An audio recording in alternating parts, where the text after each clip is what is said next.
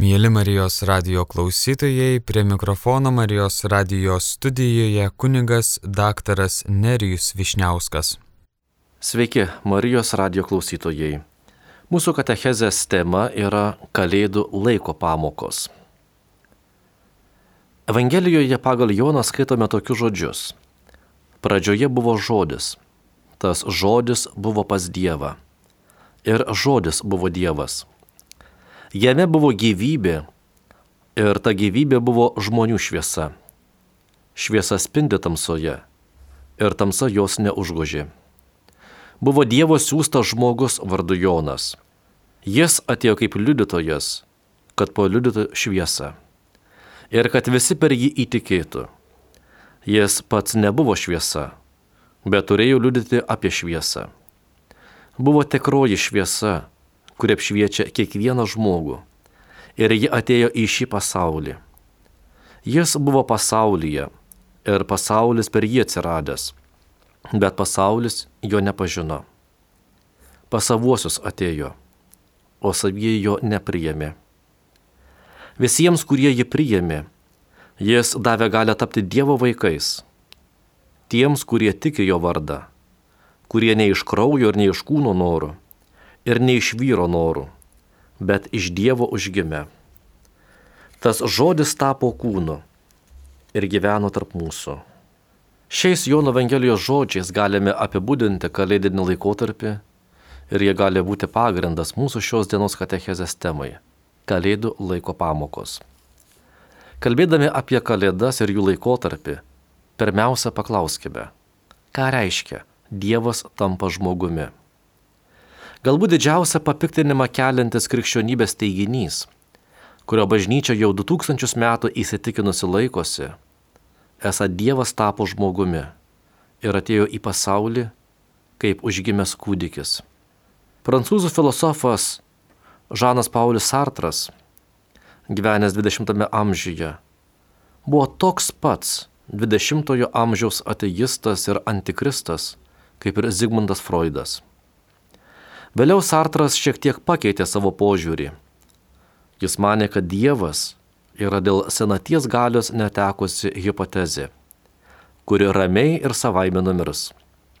Ir netrukus jis galbūt net geriau nei bet kuris teologas paaiškino, kas yra Dievo tapimas žmogumi.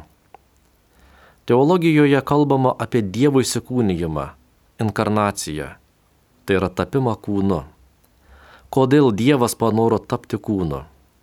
Sartras sukūrė, sunku net patikėti, kalėdinę pjesę Barjona arba Perkūno sūnus.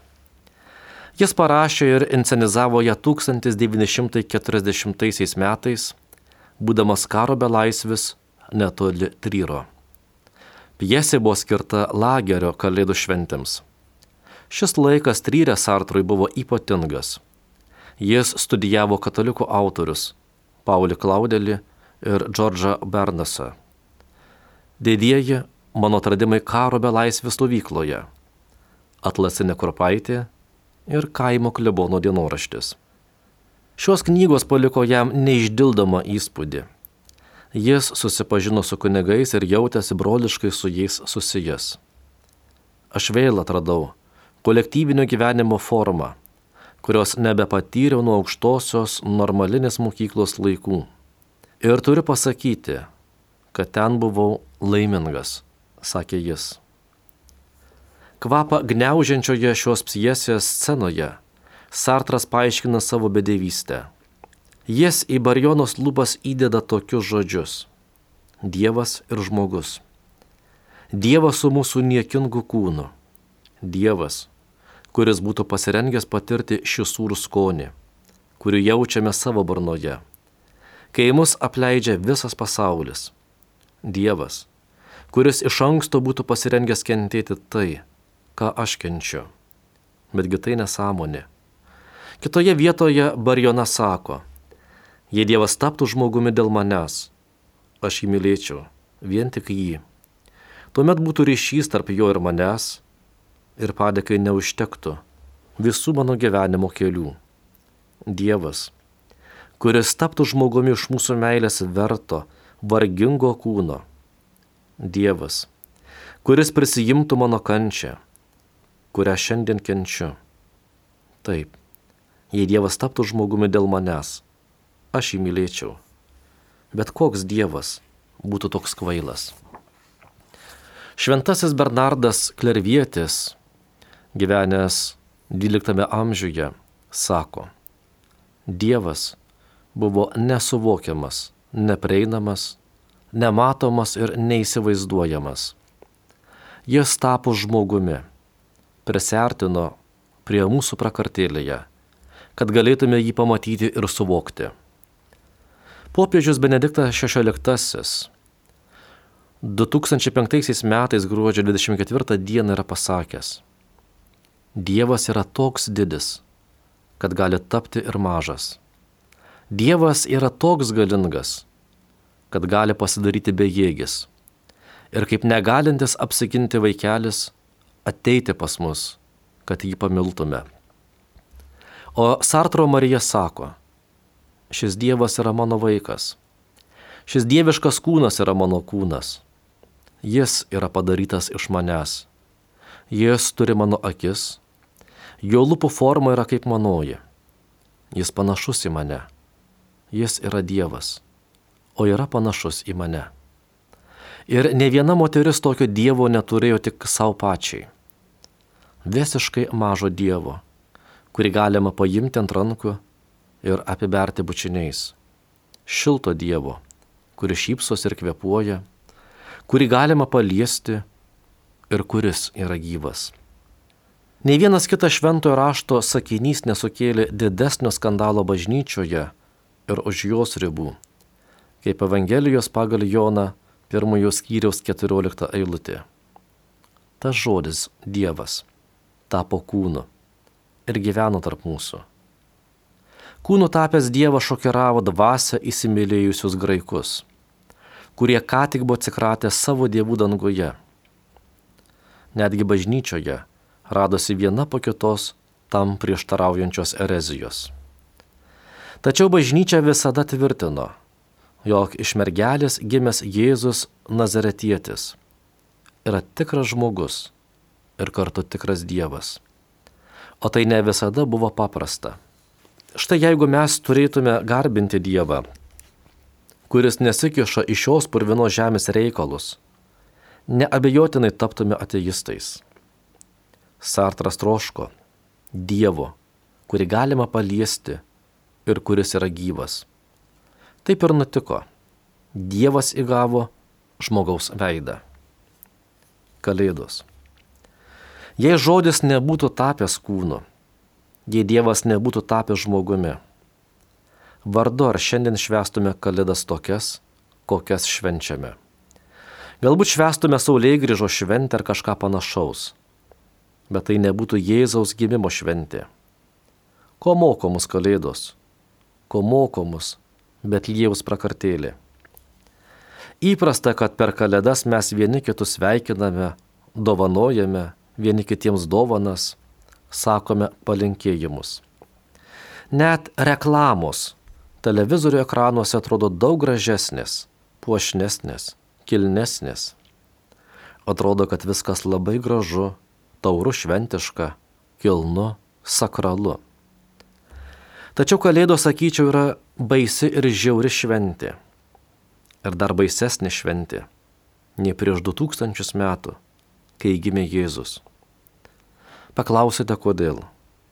Ogi todėl, kad Kalėdos yra Dievo meilė žmogui ir žmogaus nemailės Dievui priminimo diena. Dievas prieš 2000 metų tampa žmogumi, ateina į pasaulį ateina dėl mūsų. Ir kas tada nutinka? Juozapas ir Marija dėl pamišusio tirono erodo, kuris kiekviename naujagimyje mato savo konkurentą ir nutarė juos išžudyti, turi bėgti į Egiptą su ką tik gimusiu vaiku. Vadinkime tai kaip norime. Šventoji šeima, politiniai pabėgėliai, emigrantai ar kas tik nori. Bet Egipte tarp žmonių jiems vietos neatsiranda, nes jie pabėgėliai. nes jie svetimtaučiai. Jie svetimi, jie niekam nereikalingi. Todėl jiems siūloma apsistoti tvarte tarp gyvulių. Labai jau mes banaliai romantizuojame šią šventosios šeimos viešnagę. Jei tai būtų Lietuva, sakytume prašom, brangus veteliai, apsistokite tvarte tarp keulių ir vištų, nes pas mus žmonės nėra jums vietos. Mes gyvename šiltai, sočiai, jaukiai. Kuogi blogas tvartas? Juk vis geriau nei gatvė. Užaugęs Jėzus sakys, ką padarėte vienam iš mažiausių, man padarėte. Ir galios jo žodžiai iki pasaulio pabaigos. Mes manome, kokie baisus ir žiaurus buvo anu metu žmonės, kad jie būtų žinoję, kokie tai svečiai, kokia tai šeima. Va mes tai tikrai taip niekada nepadarytume. Priimtume, pavaišintume, duotume geriausią kambarį, gal užleistume Jėzuliui savo namus, o patys eitume nakvoti į tvartą. Ką padarėte? Ar padarysite vienam iš mažiausių? Kaip aidas aidino Betlėjaus lopšio iki mūsų dienų. Ar daug žmonėje pasikeitė per 2000 metų nuo Jėzaus laikų? Sakyčiau, ne per nago juodimą. Gal net atvirkščiai. Dar labiau susvetimėjome, tapome šaltesni ir net žiauresni. Štai kad ir dabartinė mūsų dienų geopolitinė situacija su imigrantais prie rytų Europos šalių sienų. Dalis jų, net krikščionys, tikintis ir išpažįstantis Kristų. Ta pati Dievą kaip ir mes. Daugelis šių žmonių bėga nuo karo, skurdo, sumaišties jų šalise. Panašiai kaip po karo nuo sovietų rojaus į vakarus bėgo mūsų tautiečiai. Vakarai mūsų seneliams, tautiečiams neuždarė sienų sakydami, tai nelegalu, grįžkite į savo šalį, ten laukia rojus. Dabar žiema. Ką mes sakome šiems vargšams pabėgėliams? Jums vietos tarp mūsų nėra. Vietos jums nėra net mūsų tvartuose. Gyvenkite miške. Gyvenkite palapinėse. Nesvarbu, kad žiema. Nesvarbu, kad tarp jūsų yra moterų ir vaikų. Mums šilta ir gera.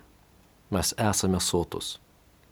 Mes švenčiame dabar kalėdas, tad netrukdykite mums. Ar tai niekuo neprimena Betlėjaus istorijos? Net ir labai. Tik mes žmonės tapome dar labiau žiauresni. Dievas sukūrė pasaulį be sienų. Tai mes žmonės vieni nuo kitų apsitvėrėme tvoromis ir pasidalinome pasaulį. Prisiminkime, kad rojuje sienų nebuvo ir nebus. Kalėdos tarsi mūsų klausia, kuo mes pavertėme pasaulį? kuo tapo žmonija. Ar ji vis dar Dievo atvaizdas ir panašumas? Visais laikais žmogus norėjo būti panašus į Dievą, būti toks kaip Dievas, pasiekti dangų, užkopti iki rojaus sodų. Tačiau Dievas per kalėdas atliko priešingą kelionę. Jis nusileido iš dangaus į žemę ir pasilenkė prie mūsų varganumo prie mūsų nuodėmė sužeistos prigimties, parodydamas savo meilę ir ištikimybę mums, savo rankų sukurtajam atvaizdui. Studijuodamas Romoje įgyjau labai neįkainuojamą patirtį ir žinias apie pasaulį, jo žmonės, valstybės ir jų istorijas. Kadangi tiek mano universitete, tiek mano kurse studentai būdavo daugiausiai visi užsieniečiai, atvykę studijuoti į Romą. Todėl mėgdavau bendraudama su jais sužinoti apie jų šalis, kultūras ir panašiai. Ne iš oficialios žiniasklaidos, bet iš konkrečių tų vietovių liudytojų. Daugelis šių studentų buvo kunigai ir vienuolės. Susidraugavus su jais, jie tapo atviri. Ir po jų liudijimų supranti imigrantus, supranti Europos atsakomybę dėl daugelio jų Paklausite kodėl. Ogi viskas labai paprasta.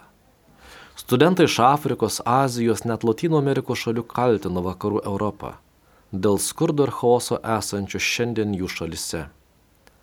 Ne vienas iš jų teigia, tai, kad jūs šiandien Europoje labai gerai gyvenate ir esate sotus, yra mūsų dabartinio skurdo priežastis. Mes buvome jūsų pavertos kolonijos, iš kurių jūs pavogėte auksą Visa, kas yra vertinga, išvežėte pas save. Gražinkite visą, kas priklauso mums iš savo bankų saugyklų, muziejų. Ir mes taip pat gyvensime kaip jūs. Jie kaltino europiečius, kad šie bražydami kolonijų sienas iki dabar padalino ir supriešino tose šalise esančius gyventojus. Todėl iki dabar ten kyla etniniai konfliktai. Ir tie žmonės yra teisūs. Kalėdos yra meilės šventė, teisingumo šventė, duoto žodžio šventė. Todėl švesdami Kalėdas mes turime savęs klausti, kaip ir kiek aš myliu. Ar tikrai myliu? Myliu negražią prakartėlę, su dailiai nulibdytų Jėzuliu, bet myliu Jėzų kitame žmoguje. Myliu konkrečiais darbais, veiksmais. Myliu netuščiais žodžiais, tuščiomis maldomis, bet tikrais darbais. Parodyk man savo tikėjimą be darbų, o aš tau darbais parodysiu savo tikėjimą, sako apaštalas Paulius. Dievas pirmiesiems žmonėms nusikaltusiems rojuje pažadėjo atsiųsti mesiją. Ir Dievas savo žodį ištesėjo. Žodis tapo kūnu. Čia paklauskime savęs, kokie yra mūsų žodžiai, ko jie verti. Ar laikausi savo duoto žodžio? Ar mano žodžiai tiesiog nieko verti? Tušti plepalai. Draugai pasakojo, kad vienoje įmonėje, kur jie dirbo, turėjo labai keistą vadovą. Tas vadovas daug žadėdavo, daug kalbėdavo, bet visi žinojo, kad tie žodžiai nieko verti. Ir viskas pasikeis dar daugybę kartų. Todėl darbuotojai jo po kiekvieno pažado prašydavo, kad tas, ką pažadėjo, patvirtintų savo įsakymu ir pasirašytų. Kažkas iš teologų yra pasakęs, kad tikintis Dievo žmogus pirmiausiai yra žodžio žmogus. Taip, jei taip, ne, jei ne nes jei esi tikintis, kitaip ir būti negali. Kalėdos kaip ir Velykos yra visgi baisios šventės. Kalėdos mums visada primins. Dievas tapo žmogumi. Dievas atėjo į pasaulį. Bet pasauliui, mums, jis buvo nereikalingas. Dievo vieta buvo ir tebėra tvarte. Na gerai, atėjai viešpatie tai pabūk ramus. Nekritikuok mūsų, nepeik mūsų įdų ir nuodėmių. Turi sakyti, kad viskas yra tik gerai, ką mes darome. Bet tu, Jėzau, taip nedarai. Todėl tave mes prikalėme prie kryžiaus. Ten tu atrodai daug gražiau. Tu tyli, mes tau melžiamės ir apsimetame, kad viskas yra labai gerai. Štai ko moko mus kalėdos meilės Dievui ir meilės artimui. Tiesos meilės savo. Tiesos kiekvienam apie save, kokie esame iš tikrųjų, be kaukių, be apsimetinėjimų. Labai dažnai bendraujant su jaunais žmonėmis, kurie palieka bažnyčią ar ją jau paliko, girdžiu pagrindinį vieną ir tą patį argumentą. Kam reikia tikėti? melstis, jei tai nieko nekeičia ir neduoda. Mes matome, kaip mūsų seneliai, tėvai, kaimynai, kas sekmadienį eina į bažnyčią. Ir matome, kaip jie gyvena visą likusią savaitę. Jie gyvena taip, tarsi vėl Dievo net nebūtų, apie jį nebūtų nieko girdėję. Elgesi lygiai taip, kaip ir netikintys. Jie nemokat jausti, suprasti, padėti, užjausti. Net užuojautos mirus artimai pareikšti nesugeba. Tai kam tada tikėti? Mes neįdami į bažnyčią gyvename lygiai taip pat, kaip jie ją lankydami. Ir kartais net esame už juos daug kartų geresni.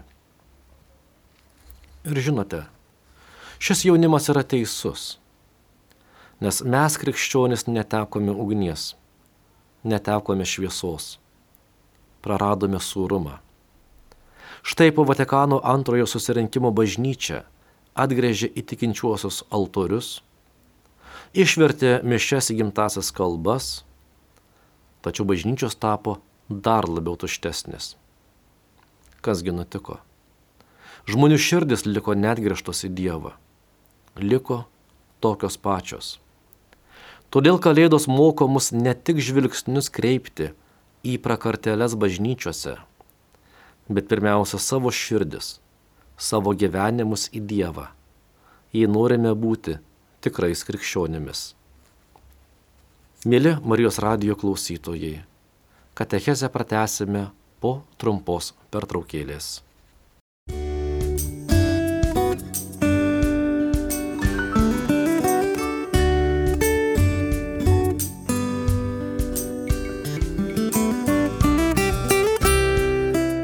palaiminto jums laiko su Marijos radiju.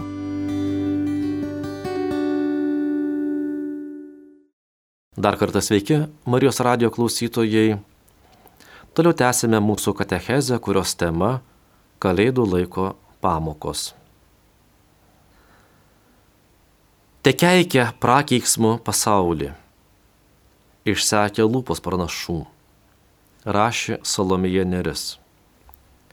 Dieve, tu sukūrei šviesą, bet kaip dažnai žmonės dengia tamsa. Baisi toji tamsa, akala toji tamsa, siaubinga toji tamsa. Ji įsėlina net į žmogaus širdį ir žudo brolius brolį. Kruvina mūsų žemė, kruvina. Daugiau joje guli nužudytų negu mirusių savo mirtimi. Štai Dieve, per šitokią žemę eina neramus, ištaršytais plaukais Diogenas. Saulėtos dienos metu įžiebė žibintą. Pašviečia žmonėms ateinu turguje į veidą, pažvelgia paklaikusiom akim ir tarė. Ieškau žmogaus. Ir sudėjuoja. Tu ne žmogus. Ir nueina. Ir rauda. Rauda Diogenas.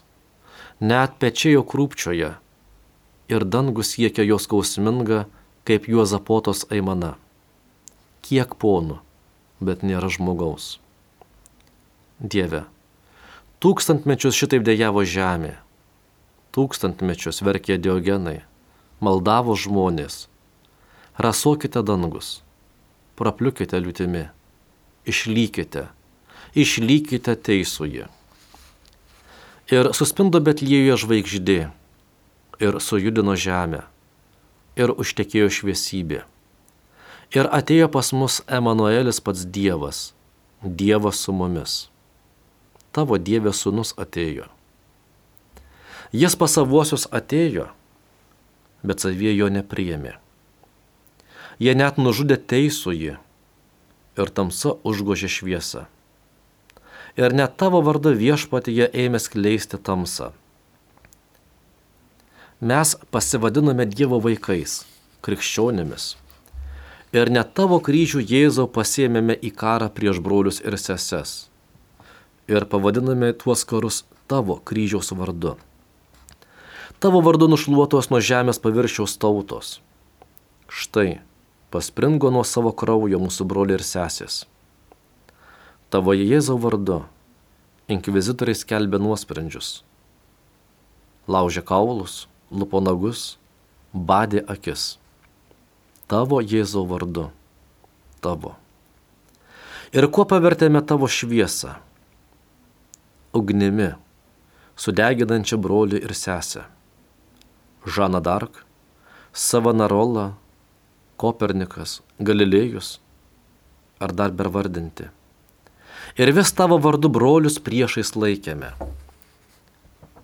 Viešpate Jėzau, net 2000 metų tavo mylimiausiam mokiniui Jonui atrodė kaip baisus priešas brolis Jonas.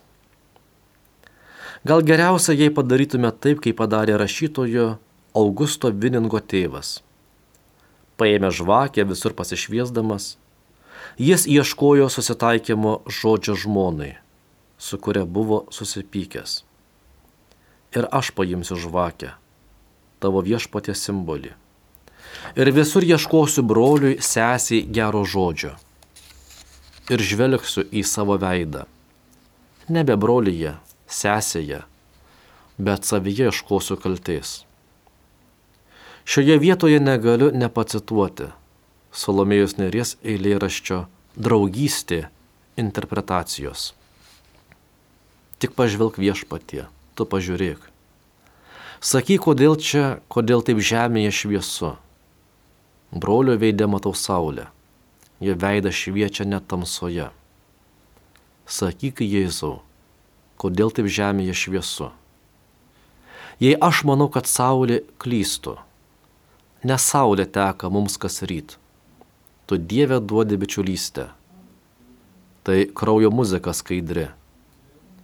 Dėl jos ir žemėje gyvenam, dainuojame dainas dėl jos. Dėl jos ir maldos mūsų rovena ir ošia girios žaliosios. Draugystė mano tau kaip saulė, kaip šviesų ilgesi nešu. Ir pabaigai norėčiau visiems perskaityti popiežiaus pranciškaus žodžius skirtus kalėdoms. Iš šių popiežiaus žodžių galime visi labai daug ko pasimokyti. Kalėdos. Dažniausiai yra triukšminga šventė tačiau padarykime kažką, kad tyloje išgirstume meilės balsą. Kalėdos esi tu, kai nusprendi iš naujo gimti kiekvieną dieną, kad Dievas galėtų laisvai įeiti į tavo sielą. Kalėdinė eglutė esi tu, kai tvirtai iškenti ir atlaikai gyvenimo audras ir sunkumus. Kalėdinis papuošalas esi tu, kai tavo darybės nuspalvina puoždamos tavo gyvenimą. Kalėdiniai varpai esi tu, kai kvieti, surenki, ieškai ir suvienyji žmonės. Taip pat esi kalėdų šviesa, kai savo gyvenimu apšvieti kitų žingsnius. Su gerumu kantrybė, džiaugsmu ir dosnumu. Esi kalėdų angelai, kai gėdė pasauliui, teisingumo ir meilė žinia. Tu taip pat esi kalėdų žvaigždė, kai kažką pakvieti į susitikimą su viešpačiu. Tu taip pat esi trys karaliai, kai duodi geriausia iš to, ką turi, net žvelgdamas į tai, kam tai davėjai. Tu esi kalėdų muzika, kai iš tavęs eina harmonija. Tu esi kalėdų dovana, kai esi tikrasis visų žmonių draugas ir brolis. Kalėdinis sveikinimas esi tu, kai atleidi ir atkuri ramybę net tada, kai kenti. Kalėdų vakarienė esi tu, kai daliniesi savo duoną ir viltimi su vargšu, kuris stovi šalia tavęs.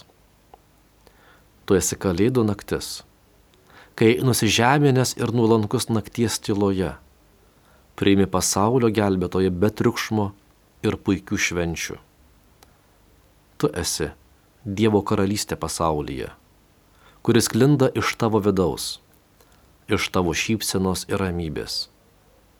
Linksmų kalėdų visiems, kurie atrodote kaip kalėdos, sakė popiežius. Garbė Jėzui Kristui.